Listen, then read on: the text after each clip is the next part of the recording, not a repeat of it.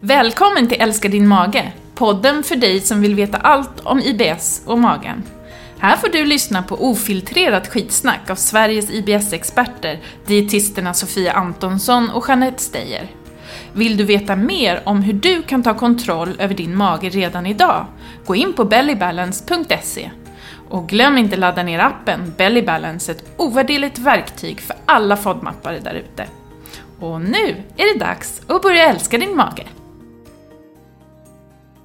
Hej och välkomna till podden Älska din mage och avsnitt nummer 9. Det här är Jeanette och Sofia som ska prata vidare om magen och besvären och högt och lågt. Idag blir faktiskt sån här blandad konfekt av olika saker som vi vill prata om. Högt och lågt, både bokstavligt och bildligt. Eh, vi ska plocka Aladdin ask. en liten Aladdin-ask av inför ämnen jul. inför jul, precis, mm. som vi vill prata om. Mm. Eh, några saker som vi vill plocka upp lite från tidigare avsnitt eftersom vi får lite följdfrågor på dessa. Så det blir tarmbakterier och det blir bajs och det blir eh, reflexer i magen och det blir mat och eh, smörsyra och andra spännande saker. Eller hur Fia? Det blir mat och bajs i samma avsnitt. Ja precis, men mm. det var det. Högt och lågt. Ja, yes. det funkar fint. Ja, hörru du. Ja. Eh, vi pratade ju förra avsnittet lite om, eller ganska mycket om stressen. Det skulle mm. vi kunna prata om i många avsnitt. Jag tror vi kommer ja. göra det mer framöver. Mm.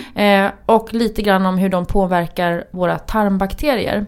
Som vi har fått en fråga på då. Just det. Specifikt. Du hade någon bra studie där du ville berätta lite jag om. Jag tror aldrig att vi kom vidare i det. Jag sa bara att stressen är ju extremt dålig för tarmbakterierna. Och vi vet ju kanske faktiskt inte exakt hur dålig. Det är, det är inte klart ännu. Men det finns lite studier gjorda och det tycker jag är specifikt intressant. Ehm, man har tittat på eh, personer som har fått tillskott då på, av olika probiotiska preparat, laktobaciller och så vidare. Och eh, man har dels sett att eh, stresshormonet kortisol som ju binjurarna frisätter under stress. Eh, I det här fallet hos eh, tentamensstressade stackars studenter. Mm. Eh, den mängden av, av kortisol minskade när man tog salivtester och i gruppen då som fick eh, det här probiotikan samtidigt. Det är ju intressant eftersom vi vet att eh, kortisol är ju någonting som påverkar kroppen mycket, både när man har höga nivåer och låga nivåer. Så det här är ju högst, eh, allra högsta grad intressant. Sen finns det också en studie på eh, pensionärer i det här fallet. Jaha. Som också fick äta probiotika eh, och då tänkte man mer att man skulle eh, påverka maghälsan. Eh, det gav inte så mycket effekt på till exempel diarré och förstoppning och sådär. Men det man däremot såg det var att den psykiska hälsan blev bättre. Alltså den självrapporterade stressen minskade ganska kraftigt. Det är intressant. Eh, och då kan man ju börja tänka på om det är återigen kommunikationen då mellan tarmen och hjärnan och framförallt kanske produktionen av serotonin eh, som faktiskt påverkas av, i det här fallet då, laktobaciller. Det tycker jag är intressant. Ja, mm. Så att eh, vi vet ju inte att stressen, alltså exakt hur stressen påverkar. Vi pratar ju om den här mångfalden i tarmbakterier, att vi gärna vill ha så många stammar som möjligt. Det verkar som att stressen eh, minskar mångfalden av tarmbakterier. Och det skulle ju i eh, många fall då vara dåligt för oss. Eh, så att, ja, stress Och tillsammans påverkar. med ett, kanske ett minskat utbud och urval av mat som vi äter och mera ja. processad mat och mat som inte innehåller så bra föda till de här bra tarmbakterierna. Kan man tänka sig att den Exakt. mixen av det här då kanske påverkar vår tarmflora. Ja men precis. Sen i veckan så var det ju, eller det var förra veckan, kom det en, eh, en, ett, eh, en liten blänkare om en forskare som har fått eh, lite anslag för att göra forskning på smörsyra. Det här är ju intressant för alla med IBS. Eh, man tror kanske att smörsyra har någonting att göra med eh, uppkomsten till IBS. Smörsyra är då en fettsyra som produceras i eh, tjocktarmen av ett, ett fåtal bakteriestammar. Och eh, det, den bildas då när de bryter ner olika kostfiberarter, eller kostfibersorter. Och då har man sett att en positiv, alltså en hög koncentration av smörsyra i tarmen ska vara positiv. Den har antiinflammatoriska egenskaper och den gör också att tarmen blir mindre genomsläpplig, alltså den påverkar tarmslemhinnan. Och det här är ju väldigt intressant för att i eh, USA pratar man mycket om leaky gut syndrome, alltså läckande tarm. Det. Eh, och det är ju lite omtvistat och hur vet man att man har det och, och, hur kan man se det och vem har det och varför? Där, där vet vi inte heller så mycket annat än att den ledande forskaren som är min idol som heter Alessio Fasano, jag kanske har nämnt honom tidigare. Han är världens främsta glutenforskare. Han har ju tittat mycket på det här med läckande tarm och varför tarmslemhinnan blir genomsläpplig och, och har hittat ett, ett, protein då som, som är lite betydande för det här. Ehm, och han menar ju att Eh, det är inte alla människor som har eh, läckande tarm alls, men däremot så vet han att vissa parametrar påverkar och det är ju stress då, är en av dem. Och alla är ju mer eller mindre stressade. Så att det här är ju, tänker jag, framtiden. Att kunna se hur, alltså graden av genomsläpplighet i tarmslemhinnan. Eh, och se hur det påverkar andra eh, sjukdomar och eh, inflammatoriska processer i kroppen överlag. Precis. Ja. Och vad vi kan göra åt det blir ju ännu mer intressant då. Exakt. Och då har man sett att IBS-patienter har en minskad produktion av smörsyra i tarmen. Och det skulle då kunna vara en anledning till att man just har IBS. Att det blir IBS av det. Eh, därför att eh, tarmens genomsläpplighet då ökar eh, och så vidare. Mm. Mm. Så att, eh, att tillsätta smörsyra helt enkelt eh, till eh, personer med IBS skulle då kunna vara en, en ett forskningsområde där man eh, nu ska börja titta genom tester på djur. Tror jag man skulle börja på. Mm. Mm. Men här skulle de ju i den här studien i, ehm, som ska ske här i Sverige då, mm. där var det ju att man skulle titta på vävnadsbitar mm. från tarmen mm. efter, eller innan och efter, eller när den blir exponerad för smörsyra. Just det. Se hur den ser ut. Så det, ja, mm. spännande. Ja, det är väldigt intressant. Eh, och det är återigen det här med att, att vi, det händer så mycket i tarmen. Som vi kanske tidigare, tidigare har man bara sagt, ja det finns lite bakterier i tarmen, de gör ju säkert något bra där. Och nu är man tvärtom så här, de är, det här är grunden för allt. Mm. Eh, men återigen, det är inte så enkelt som man tror. Och vi vet, det är fortfarande i sin linda som man så vackert brukar säga, eh, det här med eh, tarmbakterierna. I sakens natur, ett svårstuderat ja. område. Eftersom Verkligen. de lever där de gör och de måste vara där på plats för mm. att man ska mm. kunna se hur ja, de precis. fungerar. Precis. Mm. Eh, och sen hade vi en fråga faktiskt också om det här med bakteriella vaginoser. Mm. Alltså eh, helt enkelt en, en eh, svampinfektion. Eh, I underlivet? Ja, precis. Som många kvinnor drabbas av då och då. Mm. Och vissa gör det ganska ofta. Eller har liksom återkommande problem, har svårt mm. att bli av med det. Exakt.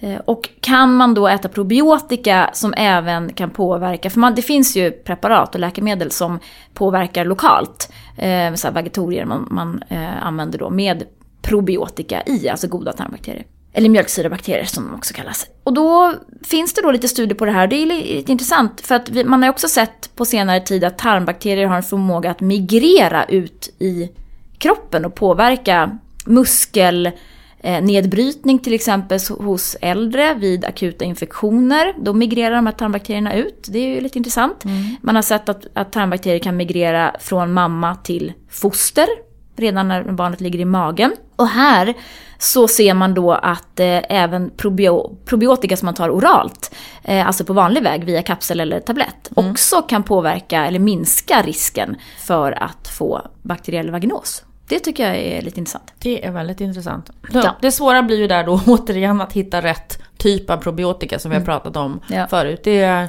det finns massa preparat. Oftast räcker det inte att dricka en speciell fruktjuice som innehåller probiotika för det blir inte tillräckligt mycket Nej. Eh, bakterier i den. Nej. Vill vi våga påstå. Mm. Men, och när man då söker något preparat om man vill på hälsokost eller apotek, att man försöker hitta de som innehåller så många stammar som möjligt, med ja. så många levande bakterier som möjligt. Mm. Vi har väl tidigare nämnt Innates produkter. Mm. Som en, av, en möjlighet i alla fall. Mm. Som har. Eh, och en annan som vi har i vår webbshop. Eh, just det, Flora Sport. Flora Sport, mm. som vi också har valt ut på, just på, av samma orsak. Ja. Och då får man prova, som sagt. Prova några månader och utvärdera. Mm. Eh, om man tycker att det på något sätt hjälper. För mm. det är mm. lite hagelbösskjutning. Ja. Man får ja, hoppas det att det träffar testa, rätt. Testa sig mm. fram och utvärdera. Mm. Som vanligt. Som vanligt. Mm. Ja, då har vi pratat lite om eh, några ämnen som vi eh, Snabbt avverkade. Snabbt, snabbt avverkade, ja. precis. Ja. ja. men, precis. men det, var, det, det, är bra, det är kul mm. och det är viktigt med, med, att det kommer studier och att det händer saker på området. En annan fråga som vi ofta får eh, upplever jag i alla fall, eller det tror jag vi upplever båda två, det är ju det här när man pratar när vi träffar människor och pratar omkring magen så är det väldigt olika hur mycket man vågar och törs prata om bajs. Vissa är duktiga på det och pratar gärna och har koll och tittar på konsistens och färg och form. Mm. Medan andra tycker det här är, är jättejobbigt och vill inte prata med någon eh, alls om det. Um, och, och, en vanlig fråga är ju också det här med men hur, hur ofta, vad är normalt då? Hur ofta mm. ska man gå på toa? Mm i medicinskt, eh, liksom, när man sätter diagnos och så vidare, när man pratar om förstoppning eller diarré, då är ju en eh, eh diarréklass när du går på toaletten eh, mer än tre gånger per dag. Eh, med lös avföring då förstås. Alltså går man, går man mer än tre gånger per dag men man tycker att avföringen är fin så kan ju det också vara normalt. Ja men precis, man måste ju någonstans väga in nöjdheten ja. här. Alltså ja. hur nöjd är du med ditt toalettbesök? Skala. Man borde ha en sån här, du vet, när man går ut i butiken. Hur nöjd är du med vår service idag? Pling! Pling! Det var femma. Ja, precis. Um, ja, det är ju faktiskt det. Man, kan ju vara, man kan ju gå på toa var tredje dag och tycka att det är fullständigt okej. Okay. Om det känns alltså, bra, man inte har ont, man är inte uppblåst och så vidare. Nej. Men när det går mer än tre dagar så klassas man ju som en förstoppningsdominerad person, eller på säga, en förstoppningsdominerad mage. Mm. Så att någonstans emellan liksom tre, eh, färre än tre gånger, nu ska vi se, färre än tre gånger per dag och mer än var tredje dag. Ja. Någonstans där brukar man säga, klassa som ett normal mönster. Ja, men... de allra flesta mår ju bra. Mm. Det är det man tänker sig. Man mår ju bra av att gå och få tömma sin tarm. Eh, många känner sig ju lite så förgiftade och faktiskt att man mår dåligt när man inte får tömma tarmen. Eh, man tänker att det ligger och ruttnar och, mm. och jäser till liksom där inne. Och det, det gör det väl till viss del också. Det är inte så himla bra att gå med, med avföring i tarmen liksom i en vecka. Eh, men alltså gör man det så blir det ju lite stress om man tänker att det här är jättedåligt. Oj vad dåligt det här mm. är. Så att um, det gäller väl att hitta, förhålla sig och, och också som sagt våga prata med kanske sin läkare om det här. Bara en sån sak att komma och prata om sitt bajs. Det, mm.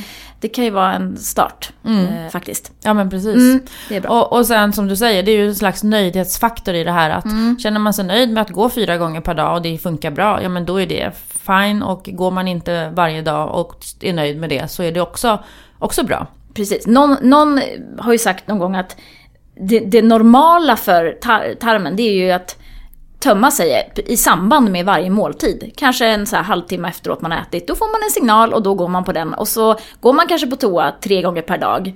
Eh, I den allra bästa av, av världar. Men eh, vi gör inte riktigt det Nej. här. Jag, jag, brukar tänka på små barn. De får ju ofta signal mitt i maten. Yes. Och så ränner de på toa och så är de tillbaka på tre sekunder mm. igen. Ja, nu var det klart. Och så fortsätter de äta. Och det är ju lite befriande att man ändå får den, det är ju friskt att man får den, den signalen. Mm. Eh, men det är ju också många som som sagt aldrig får den här signalen. Eh, och då kanske man måste hjälpa till. Eh, och där tänker jag att vi är, alltså allting går ju så fort. Vi ska göra allt så fort. Det är ju liksom, man springer in på toan och så sätter man sig och uh, trycker. trycker ut kisset. Ja. För det ska gå på liksom... Stresskissa tror jag ja. Björn Gustafsson sa en gång. När han mm. var väldigt mm. blev väldigt populär. Då gick han in på toaletten och stresskissade. Han tryckte ja. allt vad han kunde för att han skulle kissa snabbt. Det är jättedåligt för underlivet. Alltså faktiskt. Mm. Bäckenbotten och, och det är likadant om man ska gå och bajsa och mm. sitter och trycker det är inte heller bra. Jag, jag tänker också att man kanske liksom provar att sätta sig och bara så slappna av och sitta där mm. kanske några minuter och känna så här om det börjar att hända någonting och börja komma istället för att bara sätta sig precis som du säger och bara börja trycka helt. Mm. Och så efter eh, tre sekunder så bara nej det blev inget och så springer man ut och gör något annat. Mm. Det finns ehm. den kategorin. Sen finns det en mm. annan kategori av människor som tar en tidning eller en ja. mobiltelefon med sig och går in och sitter och myser och mm. pyser där lite och bajsar väl och sitter kvar och kanske bajsar lite till. Och, och det är kanske, det är, det är kanske inte så dumt egentligen. Även om jag inte är den kategorin. För jag tycker att ja men nu är jag klar, fint, bra. Då, så här, här kan jag inte sitta, det är kallt om rumpan. Jag vill jag vill vidare i livet. Um, ja. Så att eh, det kan, men alltså man kan ju faktiskt tänka lite på det där. Att hur, hur, hur går jag på toa? stressar jag på toa? Eller mm. kan jag ge det några fler minuter om jag känner att jag behöver tömma tarmen mer? Eller om jag är mm. åt det här mera hårda förstoppningsdominerade hållet mm. när man, i sin IBS. Att, mm. att man kanske testar, testar något nytt. Mm. Ja, absolut. Och det är ju inget bra att, att stressa. Vet man att det är att jag behöver tid på toa, då ska man ju ta sig den tiden. Jag upplever bara att det är många som sitter på den här toan för att de får lite egentid. Ja. Egentid ja. ja. Ja, det är ju... Man, det tror jag en del ut resten behöver. familjer. Men, ja, men jag skulle också vilja vända tillbaka till det du sa med, med, med barn där, att de får den här reflexen under, mm.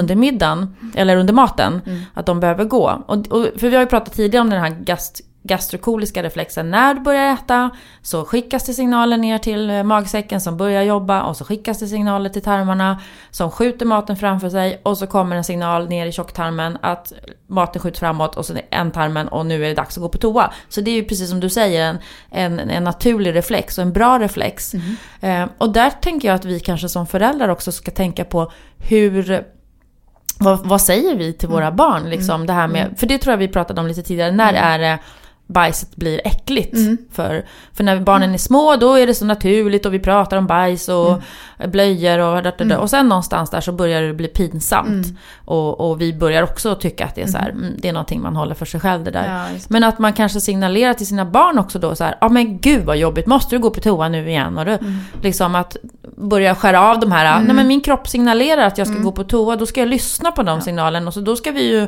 också stödja våra barn i att, ja men klart att du ska gå på toa om du behöver mm. nu. Min son är världsmästare på att springa på toa mitt i maten. Men vi har en regel hemma och då är det att då kollar vi. Behöver du gå på mm. toa innan maten så gör det nu då. Ja. ja. Gå och kissa tänker du närmast För det, ja, men det, den där, ja. det har min, ja. ja. nu outar jag min äldsta son här kommer jag på. Mm. Men mm. eh, han har nog haft det också när han var yngre. Att mm. Ett sätt att så här, komma ifrån matbordet lite när man mm. tyckte att man hade käkat klart och de andra inte hade ätit klart. Och det var lite tråkigt att sitta mm. där. Jag måste gå på toa.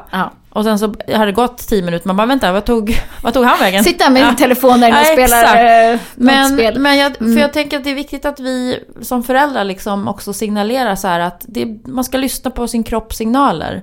Ja. Och inte börja och, och pränta in det här att nej men eh, nej, du kan inte bajsa nu. Nej. Utan eh, liksom, mm. ja men såklart att du ska mm. göra det. Mm. För det är ju sånt som vi bär vidare med oss sen och ja. blir jätteduktiga på att stänga av de här signalerna. Mm. Bara, nej, nu kan jag inte gå på toa för att jag måste göra det här och jag kan mm. ha det här mötet och här kan jag i alla fall inte mm. gå på toa, för Nej. det är ju jättepinsamt. Så det måste jag vänta med tills jag kommer hem. Och då är vi ute på ett sidospår. Ja, det är vi verkligen. Men alltså... Ehm, Förfallet. För, ja, precis. Mot eh, Rynäsbrand. Vi, inom vården så jobbar vi med någonting som heter Bristol Stool Chart. Det är alltså en, en avföringstabell. Ja, kan vi säga. En karta. En karta över avföringen. Över Ja, och då får man då som patient peka på den avföringstyp som man tycker liksom att, ja men det där är jag. Eh, och då rör sig den här skalan från typ 1 till typ 7 och typ 1 är harpluttar brukar vi säga. Mm. Och så blir det som en liten eh, knögglig korv och så blir det en liten, eh, liten eh, smooth. smooth. Det här är på engelska, vi försöker översätta här. Och sen blir det små, små bitar och sen blir det fluffigt och eh, ganska vattnigt och sen blir det helt vattnigt. Ja, så sträcker sig den här skalan. Och så kan man vara här på den här skalan någonstans och det är väl käckt att vara en, en, en 3-4 någonstans. Det kan man väl sikta på. Alltså i mitten. Eh, en, en mjuk uh, liten... Sikta på, ja. det är bra. Så här, ja, en idag målbild. siktar jag på... Min målbild är att få en fin jag, skorv. Jag tänker med att, att man medvetande gör att man faktiskt tittar i toaletten. Du är vad du bajsar, får vi liksom... Ja, eller inte. Nej jag skojar bara. Jo men, jag tror jo, men jätte, du har helt rätt. Jätte, jag bara Om man nu har problem med magen, är man fullständigt nöjd med sin mage och inte planerar att gå och söka någon hjälp för den, då behöver man inte stå och, och syna liksom. Så jag kan sluta kolla menar du? Absolut. Tack. Ja. Men jag tittar mycket. Ja, bra. Ja, fint. Ja, men det gör jag. Ja. Um, och så, så, ja, du lever som du lär. Jag lever, där lever Kära som jag kollega. lär. På en, en punkt i alla fall. Um, ja, och då pratar vi ju om det här. Vi, alltså för att vara ärlig, vi använder inte den här supermycket. Nej. Nej. Nej. Men det kan vara bra, för ibland ska man förklara för sin läkare så här, ja men hur är det med avföringen? Jo, alltså den är ju lös. Ja men hur lös? Ja den är liksom, då kan man ju lägga fram den här. Ja. Okej, ser den ut så här? Nej, lite mer så. Ja, precis, det där är jag. Det blir väldigt enkelt att kommunicera sin, sin avföringsform med den här skalan. Och den här är ju inte svensk, den här är ju Eh, ännu roligare. Om, undrar om den är från Australien egentligen. Jag inte. Ännu roligare om man frågar sin läkare. Ursäkta mig, eh, har du ja. en Bristol Stools chart du skulle kunna ta fram? För jag skulle vilja tala om vilken avföringstyp jag har. Ja. Då kommer läkaren bara, va? Ja. Nej. Nej men det är lite så här att man faktiskt kan, eh, kan man når liksom en, en, ett, en konsensus eh, med läkaren snabbare.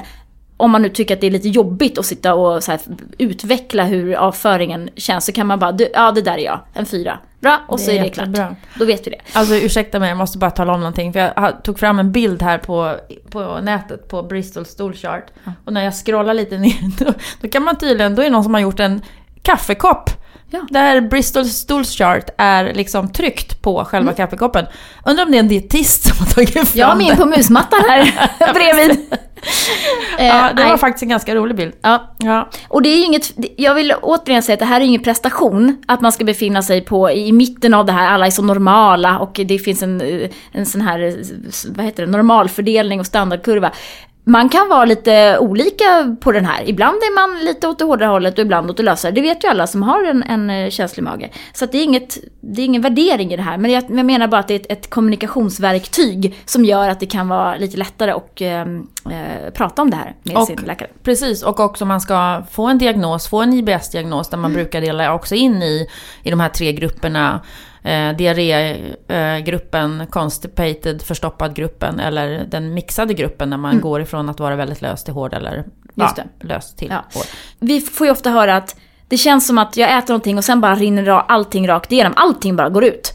Eh, och det är ju det är en förståelig känsla när man extremt snabbt, för den här reflexen mitt i maten eller strax efter eller så, den är ju helt okej okay om man går på toaletten och är nöjd med det toalettbesöket. Men är det akut, man känner att jag kan inte hålla mig en sekund eh, till och det bara är liksom bang, diarré. Då är det ju någonting som, då har kroppens system slagit till lite för hårt. Eller lite för över liksom mycket. Då tänker jag att då är det lätt att känna som att allting bara, allting som jag hade i mig bara, bara försvann ut. Och så är det ju inte riktigt, för det tar ju ungefär 24 timmar, give or take, för maten att gå från från mun till rumpa. 72 timmar tar det för vissa om man är väldigt förstoppad till exempel. Och det kan gå snabbare också för, för vissa. Alltså, det kan gå på kanske 6-8 timmar eh, och då, har man ju, då är man ju verkligen snabb i magen. Eh, och då hinner ju kanske inte heller tarmen ta upp all näring när det går så himla fort. Men för den som då får en sån här akut signal så kan vi bara konstatera att det är ju inte allting i hela magen som tömmer sig utan det är ju den nedre delen av, alltså man skulle kunna säga förmodligen, det här är olika, men kanske halva eller till en, en tredjedel av, av tjocktarmen. Sista slut, slutklämmen på den är det som tömmer sig helt enkelt. Så det är ju verkligen inte särskilt mycket. Precis. Ja, återigen den här gastrokoliska reflexen, hur, hur det jobbas framåt. Men precis som du säger, det är mm. väldigt många som Så tänker... Så det är ingenting som kör förbi någonting annat Nej, i tarmen? Liksom bara, att, hej, hej, jag har lite bråttom här, ja. skulle ni kunna flytta på er? Ja, det, så funkar det inte. Nej. Men det är ju en känsla av att det och bara... sen liksom... så tror jag ibland också jag får den här, att man säger att åh, jag har så snabb ämnesomsättning, mm. är det en del som säger. För jag bara liksom, jag går på toa på en gång eh, och det känns som att allt kommer ut. Mm. Och det har ju inte någonting med ämnesomsättningen att göra.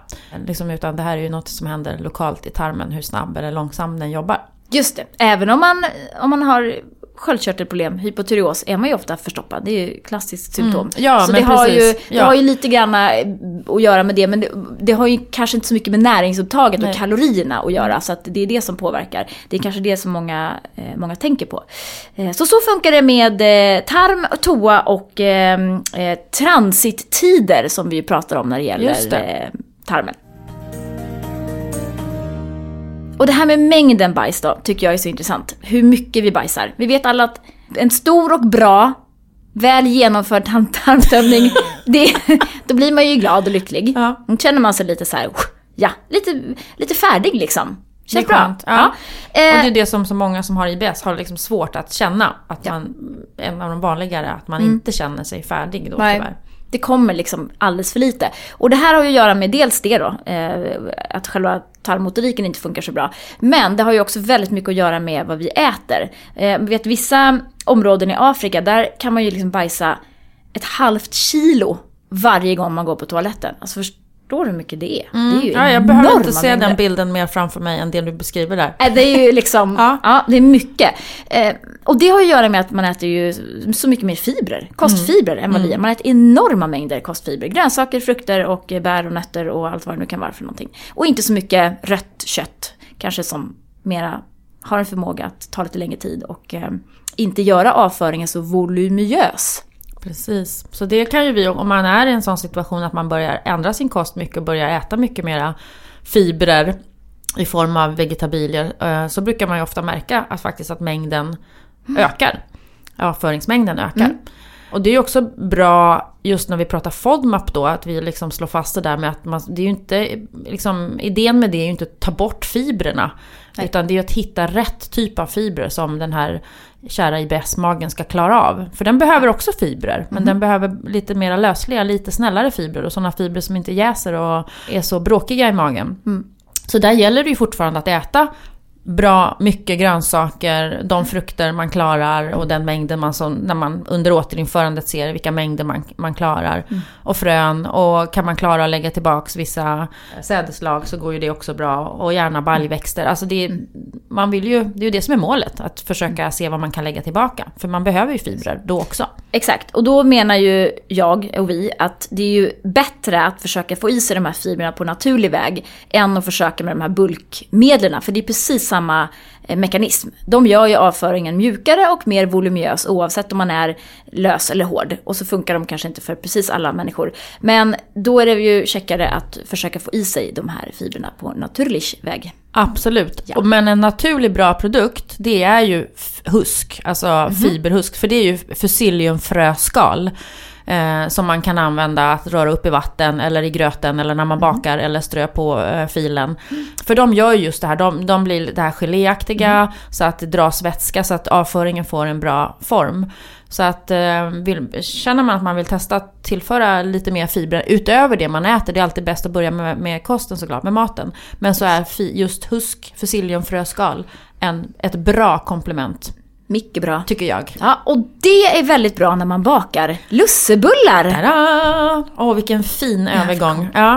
Eh, det är det nämligen, precis. När man bakar, eh, speciellt när man bakar glutenfritt om vi ska säga då, även om vi förstås eh, brukar prata om att FODMAP har inte någonting att göra med glutenfritt. Men man bakar kanske med andra sädesslag eh, än veteråg och korn och då har man inte det här glutenet med. Och, vilket, och det är bland annat det som gör att brödet blir luftigt och saftigt. Mm. Och då är ju fiberhusk eh, en väldigt bra fiber att tillsätta. Ja. Om man använder eh, alltså de här eh, mjölmixarna glutenfria eller om man blandar själv. Majsmjöl, mm. rismjöl, teff, durra.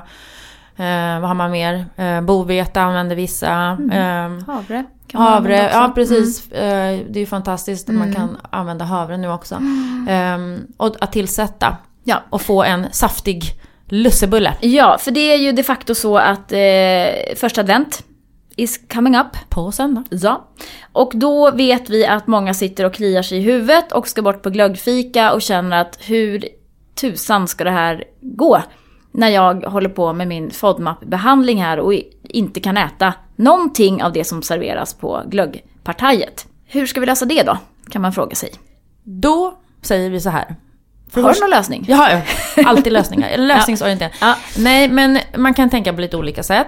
Um, en vanlig fråga är så här, okej okay, jag, jag håller på elimineringsfasen, förstör jag nu om jag tar en, liksom ett glas glögg? Svaret är nej, man förstör ingenting så. Men man kanske kommer att reagera om man flippar ut lite en dag och då vet man ju varför. Och så får man ju vänta tills magen har lugnat ner sig igen mm. och fortsätta sin elimineringsfas då. Men man kan ju också förbereda sig lite. Att mm. kanske se till att ha med sig då, en, om man vet att man kommer någonstans där det inte finns. Mm. Ta med sig sin egen eh, lussebulle som är bakad på ett sånt sätt som är okej okay, enligt mm. FODMAP. Eller en pepparkaka. Eller så tänker man att en liten mängd går säkert bra. Mm. Det beror på var man befinner sig i, i behandlingen, ja. vad man har i sin lilla hink. Ja. Eh, har man ett stort utrymme i hinken som man har sparat på under dagen så går det säkert eh, bra att äta en halv lussebulle och en pepparkaka utan några större besvär. Men börjar man liksom eh, eh gå all in på eh, buffén så blir det ju oftast kanske, det är det som är det svåra här. Om man ska vara helt ärlig. Precis. Man börjar äta pepparkakor med ädelost och sen har man ätit 12 stycken utan man ens hunnit tänka till. Mm. Mm. Då kan det bli fart på den lilla magen. Det kan det bli. Men det, det också... Ett bra trick kan ju också vara att, att man tänker att ska man gå på en sån här fika på eftermiddagen, men ät liksom som vanligt. Ät frukost, ät lunch. Mm. Till att du kommer dit och liksom är ganska bekvämt mätt. Mm. Så att man inte kommer till sån här tillställning hungrig. Nej. För då går det inget bra. Det är ju samma sak om man vet att man ska äta stort julbord och mm. buffé och man går och sparar sig hela dagen. Då mm. blir det liksom inte så bra.